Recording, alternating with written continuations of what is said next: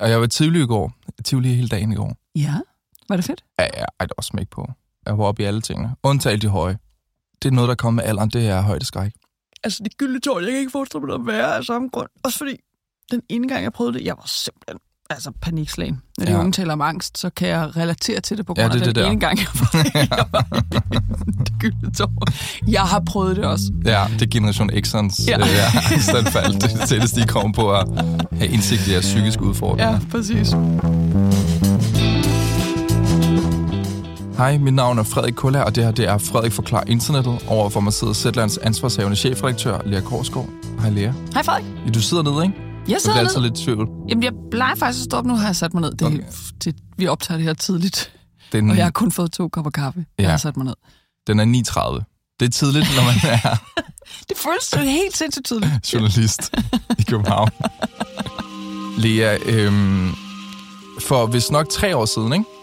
der var jeg inviteret ind i ligestillingsministeriet.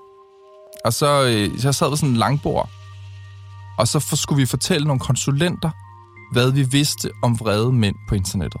Nå ja. Ja. Og jeg fortalte om min på det tidspunkt store øh, hobby, som var sådan at kigge nogle øh, unge mænd over skulderen, som lever i, siger de, ufrivilligt celibat, øh, og som på nogle fora svælger i den der elendighed og kvindehed, sammen med nogle andre mænd, der også lever i ufrivilligt celibat. De såkaldte incels. Præcis. Og lige på det her møde, der sad ved siden af Lasse Lindekilde, og han forsker i, hvordan man kan blive så radikaliseret, at man slår folk ihjel. Nå. Serious stuff, ikke? Mm-hmm. Og så var der sådan en kaffepause, og der vendte Lasse sig mod mig, og simpelthen breakede for mig, at der, da jeg var en lille dreng, havde været et masseskyderi på Aarhus Universitet. Ja, ja. Det kan jeg huske, du kom hjem og fortalte om. Ja, fordi Ja. ja. jeg var sådan, Ja. what the fuck? Yes. Hvorfor jeg holdt det her hemmeligt Ja. for mig? Ja. Fordi det var en periode, hvor de mænd, jeg skrev om, lavede masseskyderier. Ja. Og jeg havde aldrig noget sådan dansk fortilfælde, før der er nogen, der fortæller mig om det. Og det var en mandlig studerende, der slog to kvindelige studerende ihjel og sårede to kvinder, Mm. før han skød sig selv. Og Lasse fortalte mig så der, at politiet dengang forklarede ondskaben med, at gerningsmanden var ensom og en weirdo. Mm-hmm. Men sagde Lasse sig til mig, man overså mandens nok egentlige motiv, at han havde kvinder. Offrene var ikke tilfældige. Gerningsmanden var en incel-terrorist. Og nu bruger jeg ordet terrorist, og det er fordi, der er nogle i dag, der mener, det kan man godt, fordi at have kvinder kan godt være en politisk ideologi. Mm. Og derfor kan man godt sige, at det er terrorisme. Mm. Så den kører jeg lige med. Mm. Og han var en incel-terrorist, inden vi vidste, hvad en incel var. Ja, før man havde ord for det. Ja. Han var bare en weirdo. Evig student. Mm. Og lige så for ikke så længe siden, nogle uger, tror jeg, der fik jeg så en mail fra Lasse Lindekilde. Mm-hmm. Og siden han og jeg talte sammen derinde i ligestillingsministeriet, der har han været dybt i rigsarkiverne. Lasse han har nærstuderet gerningsmanden, læst hans afskedsbrev, vidneudsagn fra dengang, afhøringsrapporter, rensagningsrapporter, og i dag der er forskeren endnu mere sikker i sin sag. Gerningsmanden var motiveret af kvindehad. Men han var også motiveret af andre ting, opdagede Lasse. Og Lea, selvom det er knap 30 år siden, ikke? Mm. så er den her gerningsmand måske vigtigere end nogensinde at forstå, fordi hvis vi forstår ham, så forstår vi også bedre en ny type ekstremist, som øh, PT ser flere af i Danmark. En ofte ung mand, der opererer alene, og hvis ideologi er lige så rodet og sammenfiltret som det internet, der har været med til at forme de her mænds had. Interessant. Ja. Ja. Så jeg ringede til Lasse og var sådan, Ja. kan du også se nogle forbindelser her? Ja, Fordi ja. PT kom med deres rapport, den vender jeg tilbage til. Og så var han sådan, yes. Mm-hmm. Så sagde jeg, jeg prøver at lave en Frederik forklar på det. Så sagde han, held og lykke. Okay. okay. øhm, Ja. Er du klar på det? Ja, i den grad. Det bliver lidt hårdt afsnit. Ja, det, men, men det lyder også vigtigt. Jeg synes, det er helt vildt vigtigt, det Ja. her. Fordi øh, det her det er jo en serie, hvor jeg skal forklare dig, en med din egen ord meget lidt internetkyndig person, hvad et internetfænomen handler om. Fordi forstår man ikke internettet, så forstår man heller ikke den verden, vi lever i. Og i dag vil jeg forklare dig, hvad et snart 30 år gammelt skyderi på Aarhus Universitet kan lære os om nutidens potentielt farligste mennesker. Hmm. Mm-hmm. Det er virkelig nysgerrig på, det her. Yes. Og hvis du gerne vil høre andre historier fra Zetland, så kan du blive medlem for 50 kroner for de første to måneder. Mm. Hvis man bliver medlem, Ja. øh, så vil jeg virkelig opfordre til at man går ind og lytter til et nyt format, som Mads Older kan være at eksperimentere frem over på politikgruppen. Sådan et nyt lydformat om dansk politik og hvad der sker lige nu. Formatet har ikke rigtig fundet sin form endnu, og vi eksperimenterer vildt meget med det, men det kunne være mega fedt at få øh, øre på og øh, råd og vejledning om, hvordan kunne det her format egentlig blive mega fedt. Ja. Øhm, også fordi ja. der findes fandme mange politiske podcastformater i Danmark. Ja, det gør der Og vi vil gerne lave det fedest. Jamen, men også fordi de fleste politiske podcastformater er lavet til nørder. Altså folk, der i forvejen følger vildt meget med. Ja.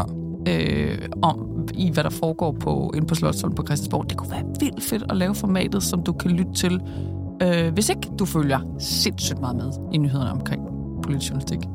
Så det, det, det vi sådan... Det, jeg det, føler også, det, det, er, det, er, sjov, det er også sjovt at lytte til det her. Det er, det. det er sådan, man er godt underholdt. Det er jo det. Også fordi Mads Olrik kan grine Han er bare så Hans hjerne, den fed, ikke? fungerer på en anden måde end min. Ja, den, den, den, og den i dansk politik er bare... Ja, det er det. Jeg tror, det kan blive skide sjovt ja. og fedt, og øh, jeg lugter af alt andet end øh, homework, ikke? Mm. Så lektien er at blive medlem, Bliv medlem Lyt for at hjælpe os. Giv os feedback. ja, nemlig. det er lektion. ja. Man kan blive medlem på zland.dk-ffi. Det link er også i podcastbeskrivelsen, og det tager nogle sekunder, hvis man har mobile. Yes.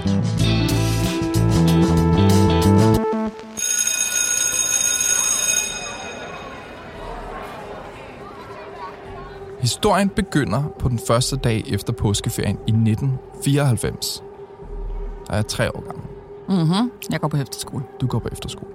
Og ved middagstid, der trådte Flemming Nielsen ind i en kantine på Aarhus Universitet. Han var 35 år og læste dansk. Han bar en gul skjorte og sådan et meget 90'er-agtigt spraglet slips, og så i hånden havde han en sportstaske. Flemming satte sig ved et tomt bord, og det var altså i ikke-rygerkantinen. Mm-hmm. Den fandtes. Den var mindre end rygerkantinen, som mm-hmm. jeg har forstået i, i dokumenterne. Mm-hmm. Det hvilket giver, siger meget om 94. Det siger rigtig meget om 94. Og kort efter, der begyndte undervisningen, og de studerende, de ser ud i klasserne. Men Flemming blev tilbage, og det samme gjorde to 24-årige studerende, Birgit og Eva. De sidder og venter, jeg tror, de venter på en veninde. Og så ved siden af, på nabobordet, der sad en 22-årig øh, Rikke. Mm. Og hun sad og læste Freuds psykoanalyse, tror jeg. Mm-hmm. Og så øhm, rejste Flemming sig, gik hen mod Birgit og Eva og tog et oversat jagtgevær op fra sportstasken.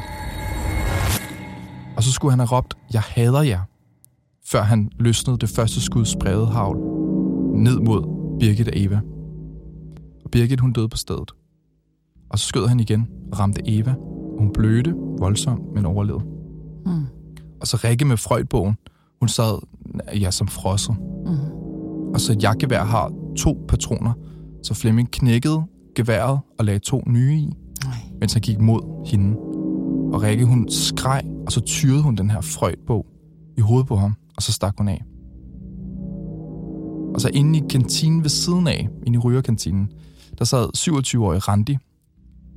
Hun kunne ligesom høre det her skrig og de her to skud, og spurgte de andre tilbageværende inde i den kantine, hvad sker der? Er der nogen, der har et gevær?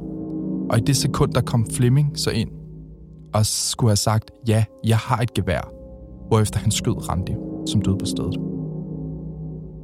Og så skød han ned mod de andre, som simpelthen havde taget søgt dækning bag stole og bord. Og der var så flere havl, der ramte en kvinde, som også begyndte at bløde, men også overlevede. Og så forlod Flemming kantinen, og han gik ud på herretoilettet og skød sig selv.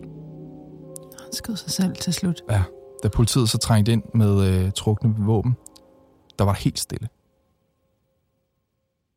Dagen efter, der fortalte en øh, chefkriminalinspektør, at Fleming var en, citat, meget ensom mand, øh, som givet har været psykisk påvirket, da han havde fået psykologhjælp.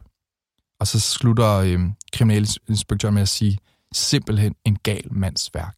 Mm. Og i Flemmings hjem, der fandt politiet afskedsbrevet, øh, og senere fandt politiet også hans dagbog. Og lige knap tre årtier senere, der fik Lasse Lindekilde, altså forskeren, jeg sad ved siden mm. af i ligestillingens, mm.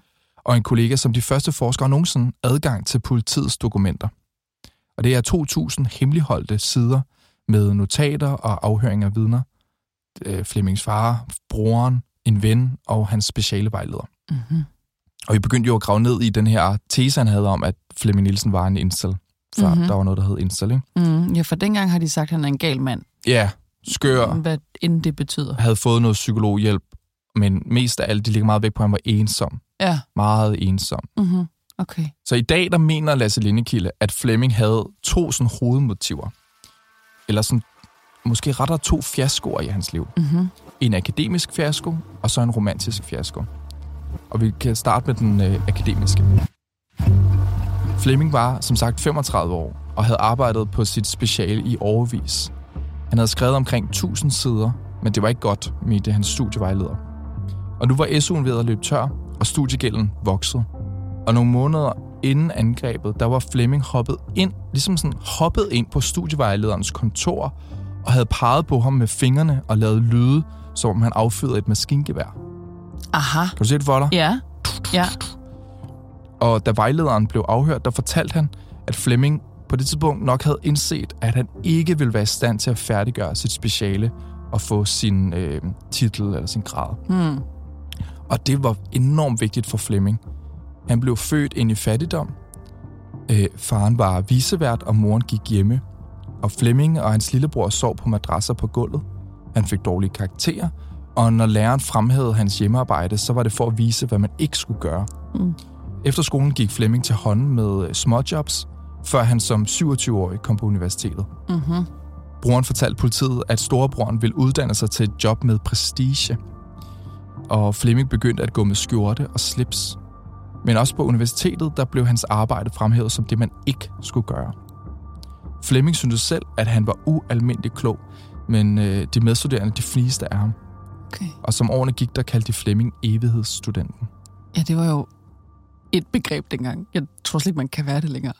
I Nej, det er Altså, men det, tid. ja, præcis. Nu er det Så det modsatte. Frem, fremdriftsreform, jeg ved ikke hvad. Turbostuderende. Ja, ja, altså folk kunne sidde i, hængende i det der speciale i år. Jeg tror, han havde, han havde skrevet på speciale i tre et halvt år. Ja, ja, ja. og havde skrevet, jeg tror, 700 siderne på en maskine, og så havde han skrevet lige så mange i hånden Okay. med en kuglepen. Også en meget fin kuglepen af et eller andet navn, han havde gået og fortalt de andre om. Okay. Så det var virkelig sådan, gik meget op i at være sådan akademiker. Aha. Ja. ja.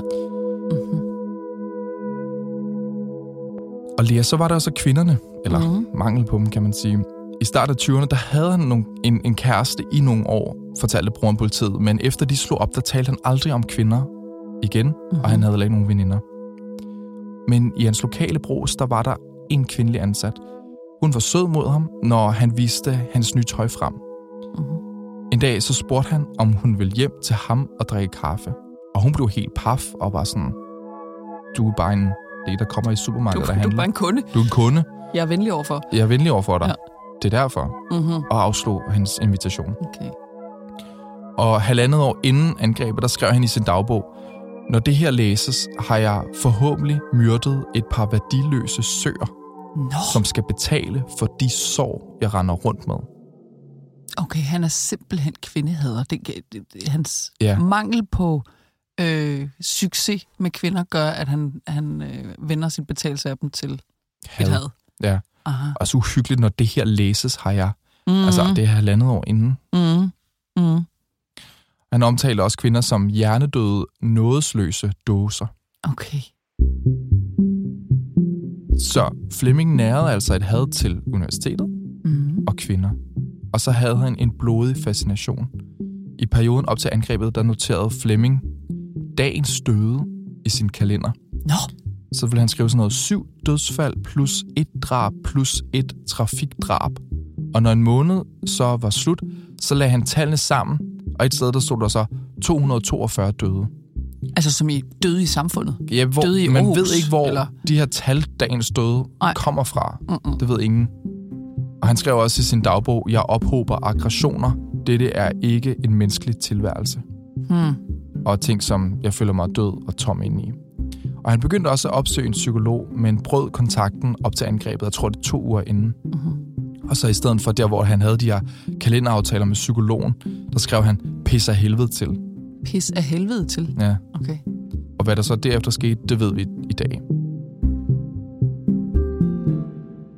Og Lea, Lasse Lindekildes gravearbejde ned i sådan Flemmings øh, radikalisering har fået mig til at tænke, at hans forløb, altså Flemmings forløb, var et forvarsel på en type radikalisering, som vi kender ret godt i dag, som er unge mænd, der radikaliseres på internettet, ofte i isolation, øh, og hvis motiver ikke er sådan her snorlige øh, religiøse eller politiske, men hvor aggressionerne også kommer fra en historik med psykiske problemer, øh, statustab kombineret med sådan en ret stærke narcissistiske træk, mm-hmm øh, en voldsfascination, og så også en diæt af konspirationsteorier. Mm-hmm.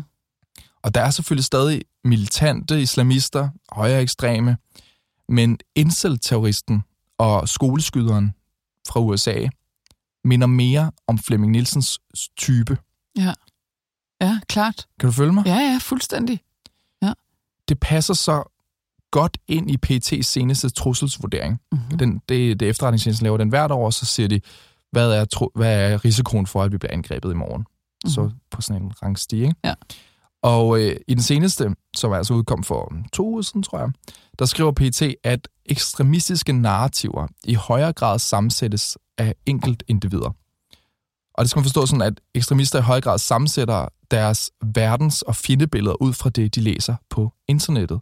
Og det kunne være sådan nogle decentrale sociale netværk, Discord, men det kunne også være sådan nogle lukkede forer, som nogle af de her 8chan, 4chan, N-chan, 2chan og hvad der ellers snart findes.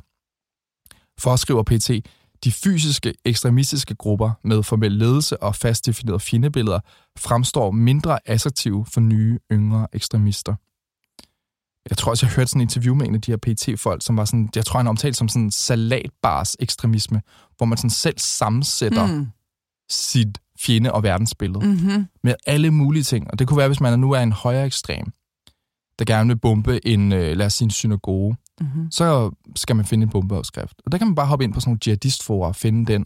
Ja. Altså, der er, ikke, der er ikke længere den der sådan du meget... Du får ikke ligesom sådan en ideologi og, en, og Nej, en, fra sådan en fast ledelse, de hierarki din... over Nej. dig. Okay, du kan simpelthen bare pick and choose pick fra, and choose. hvad end der findes der ja. af ekstreme holdninger. Og... og det kan være sådan noget anti-myndighedsting, ja. øh, Barbara Bertelsen, øh, anti-wax-ting, der bliver så pakket ind i alt muligt andet. Mm-hmm føler bare, det er virkelig sådan en, en internet-terrorist på en eller anden måde, eller potentielt. Der er sådan supermarked af holdninger og konspirationsteorier, ja. der flyder rundt derude. Ja. Og du kan selv sammensætte din... Ja. Øh, din Onkel øh, Rej, det er jo fjendebilledet nu for en helt... Ja. Altså åbenbart mange danskere, ikke? Ja, fuldstændig skørt. Som også ja. er sammensat af, at man... Altså alle mulige internationale konspirationsteorier om en eller anden form for skyggeregering, ikke? Mm. Øhm, som tilbeder satan og sådan noget. Ikke? Altså, mm-hmm. det er mhm. også på en eller anden måde, det, at, at, at folk hader onkel Rej, er på en måde så tidstypisk ja. en Meget. ting. Ja. Og det er ikke for ja. at sige, at dem, der er sur på onkel Rej, er potentielle terrorister, uh-uh. men der er bare et sammenfald den der måde, at folk på en måde radikaliseres mm. i nogle ret weird måder, på nogle ret weird måder, og får nogle meget mærkelige fjendebilleder. Mm. Mm. Og helt absurd mærkelige verdensbilleder. Mm. Du kan også sige, hvis du sidder derhjemme og er utilfreds øh, og vredladen og har ophobet aggressioner, så kan du bare hoppe på internettet, så er der øh, altså frit valg på alle hylder til ja. at få bekræftet din, ja. din frustration, ikke? Onkel Reje. Ja, du synes også, at onkel ja. Reje er pervers. Ja. ja, ja, ja. Altså på den måde, der er sådan en overflødighedshorn af, af både fantastisk information, men jo også det modsatte, ikke? Ja, ja. Mm-hmm. Vildt. Og de her hvis vi lige lægger onkel Rej øh, cancel folkene væk, men mm-hmm. kigger på de her ekstremist-ekstremister, ja. de er også vanskelige for PT. Altså sådan bare rent at profilere. Altså hvis man skal finde nogen, så skal man først vide, hvordan de ser ud. Mm-hmm. Og det er ret mhm. svært i dag, for de kan se ud på alle mulige mærkelige måder. Det er ikke en type, eller det er vel en type? Det er en type. En ensom mand hjemme i kælderen. Ja, hvordan finder man ham, ikke? Mm-hmm som ikke indgår i noget. Øh, han betaler ikke kontingent nogen steder. Han ses ah, ikke ja, i den fysiske han verden. Han dukker ikke op, op i klubben hver torsdag, Nej. eller hen i, i trosamfundet, Præcis. eller i studiekredsen. Han møder ikke op i moskeen, han møder Nej. ikke ned, op ned, på, ned i Naziborg, nede i Greve. Mm. Altså, du ved, mm. de er ligesom skjulte for os, ja. og for PT. Mm-hmm. Og hvor deres had ligesom er rettet hen, kan også være svært at profilere. Altså, hvem er det, de er sure på? Hvem er det, der er mål mm. for mm. det her, ikke? Mm. Er det altså er Rai farlig nu? Mm. Eller er det sådan overvurderet? Altså, det er sådan, hvad skri- når folk skriver meget, meget voldsomme trusler på internettet, hvornår har de tænkt sig at agere på dem? Eller skriver mm. de dem bare for at få anerkendelse i den her gruppe? Ja. Eller er det bare en måde at ventilere noget, noget vrede på? Eller er det sådan, skal vi forstå det her som, der er nogen, der er ude efter dig? En trussel, ja. Det er svært. Det er det, ja. der er PT's opgave jo at regne ud, og det er bare vanskeligt med de her mennesker, Ja, der kan ja. komme ned i den her kæmpe, altså politiet kalder det hybridisering, altså det er sådan, ja, hybrid-terrorister, Okay. som er sammensat af forskellige dele. Ja.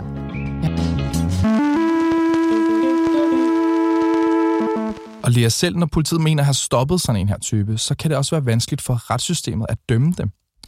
Fordi for nogle måneder siden, der blev en 28-årig mand fra Hobro frikendt af landsretten for at have ville dræbe en eller flere personer ved et eller flere masseskyderier. Mm-hmm. Og det er sådan en sag, vi har dækket herinde. Mm. I årene op til, der havde manden været aktiv på inselforer, ligesom han har Aspergers og en mild form for skizofreni, og både psykisk sygdom og øh, autismespektrumforstyrrelser ses ifølge forskning ofte hos personer, der sådan nogle aktører, der, der begår, altså den- der, der opererer solo. Mm-hmm. Og det interessante er så, at landsrettens frikendelse, eller frifindelse af den her unge mand, simpelthen underkendte byrettens øh, dom. Byretten fandt ham skyldig i planlægning af et eller flere skoleskyderier. Mm-hmm. Men landsretten var altså helt uenig. De lyttede til manden, der i retten sagde sådan her om planerne. Jeg havde ikke behov for at gøre det i virkeligheden, fordi jeg havde udført det i hovedet så mange gange. Mm-hmm. Det var altså en fantasi. Ja, jamen, altså landsretten siger vel, at der er forskel på handling og ord. Ja, præcis. Øh, og så længe det kun er ord, så er det ikke strafbart. Ja. Øh, det, som jo er et ret vigtigt øh, retsprincip Ja. i Danmark. Ja.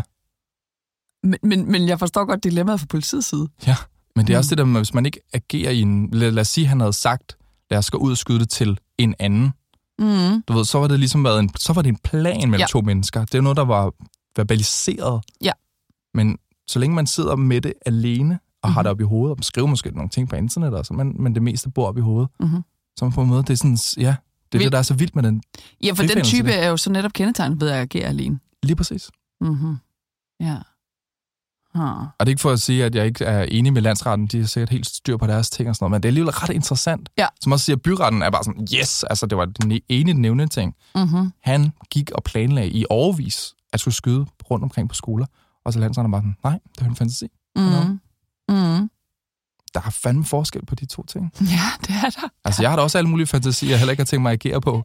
Ja, Og Ja. det er jo vigtigt at kunne have det. præcis. Det er jo det. Det er jo ret vigtigt at kunne sidde hjemme i sin dagbog og skrive Ja. øh, ud, udspy galle om, øh, om, hvem man har lyst til, måske netop i virkeligheden for at få afløb for det. Ikke? Og Ja. det er bare noget helt andet end det at gøre ting i virkeligheden. Ikke? Ja. Men, øh, men klart, det må sætte øh, politi og retssystem i en, for, en, for en stor udfordring, når vi så netop, som du beskriver, ikke, har at gøre med en, en, en type, der mm. agerer alene og netop sidder derhjemme mm. Mm. og øh, udspyr galle mm. i sine dagbøger og sine Mm-hmm. planer. Ikke? Hvad, hvor skal man placere sådan en Hvad er du? type? Ja, hvad er du? Er du en Flemming Nielsen? Ja, er du en Flemming Nielsen, eller, eller er, du, er, du, er du bare en vred mand, Ja. der sidder derhjemme? Ja, ja, og, Og har koger. tynget af mentale problemer ja. og alt muligt. Mm-hmm. Men vil Pets argument så være, men i dag der er den, den type har bare flere muligheder for at blive radikaliseret, eller der er større risiko for, at den type bliver radikaliseret i dag, fordi der er så meget information tilgængeligt, og enhver kan vælge sin egen konspirationsteori. Den ja, der er en meget baren for at træde ind i miljøer, hvor du kan radikalisere sig, er jo sat meget lav. Altså bare, hvis du skal blive nazist, eller sådan ekstrem, høj ekstrem, ikke? Mhm. Mm-hmm. eller jihadist, du skal jo møde op hos nogen. Ja. Altså du skal simpelthen tage tøj på, øh, gå i bad, møde op, øh, Ja. Betale til fælleskassen, når der skal købes kaffe til det næste møde. Altså for Ja. mange af de mennesker, som netop lever i den her form for isolation, kæmper med psykiske udfordringer, måske ubehandlede psykiske udfordringer, der er det jo en, der er det et stort skridt at skulle tage. Mm-hmm. Det Mhm. er svært, det, men og derfor er det åbne internettet er jo den nemme vej. Mm. Øh, og det gør bare, at vi har en hel generation af unge. Det er jo også det, PT siger, de bliver yngre og yngre, de her ekstremister, dem, de, eller potentielle gerningsfolk. Ikke? Øh, at de sådan, det er det, også en af de mest kendetegn, ting, det er bare, de er så unge i dag. Nå. Og det siger noget om, at det, må jo, det er jo internet, det træder ind i så Mm. tidligt, ikke? Mm. og finder sig Ah. de fællesskaber derinde. Og Ja. der er jo ingen barriere. Det er Nej. vidderligt at åbne computeren. Ja. Tror du? Ja, ja. Okay. Øh, Så det er en hel masse ting, og så er det selvfølgelig også informationssfæren på internettet. Ja. Jamen, du kan finde det hele, ikke? Ja. Ja, ja, bombeopskrifter herover, ikke? Mm. Øh, manifester herover, læs Mm. ditten og datten, ikke? Mm. Øh, Wow. ja. Nu skal jeg videre til et møde om øh, reorganisering af redaktionen.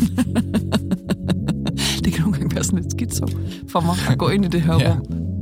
Og så gå ud af det. Og så gå ud af det. Ja. Wow. Jeg vil gerne sige tak til dig, der har lyttet med på det her afsnit af Frederik Forklar Internettet. Lige nu kan du blive medlem af Zetland for 50 kroner for de første to måneder. Så kan du høre det næste afsnit som en supporter. Mm-hmm. Man kan blive medlem på zland.dk-ffi. Det er Ida Skovsgaard, der har lavet temamelodien, og det er Niels Malte Lundsgaard, der har klippet og produceret afsnittet, og min redaktør er Kåre Sørensen. Og hvis der er noget, du gerne vil have, jeg forklarer, så skriv til mig på frederikszetland.dk. frederiksnabelagszetland.dk. Mm. Jeg skal jo lære dig noget, man ikke kan lære på internettet. Det spurgte vi om sidst. Det er, altså der er trillet simpelthen de fedeste forslag. rigtigt? Ja, ja, det er super fedt. Ja. Man må gerne blive ved med at skrive, hvis man har forslag til, hvad man, Uh. hvad man kan lære dig, som man ikke kan lære på internettet. Det, det, det viser sig også at være et filosofisk spørgsmål. Okay. Jeg ved ikke, om jeg kan sige mere. Hvad, Nej, jeg vil, altså- jeg vil vide så lidt som Nej, muligt. okay, okay. Jeg skal være lige så blank på, hvad der skal ske, som du er, når Ja. du kommer herind. Ja, men det, for, for mig er det blevet et meget stort spørgsmål. Hvad er det egentlig? Hvad vil det sige at lære? Lad mig sige det på den måde. Okay, det er der, vi starter. Ja. Okay. Nå, det er mega fedt. nu løber jeg. det er ordentligt, at vi ses.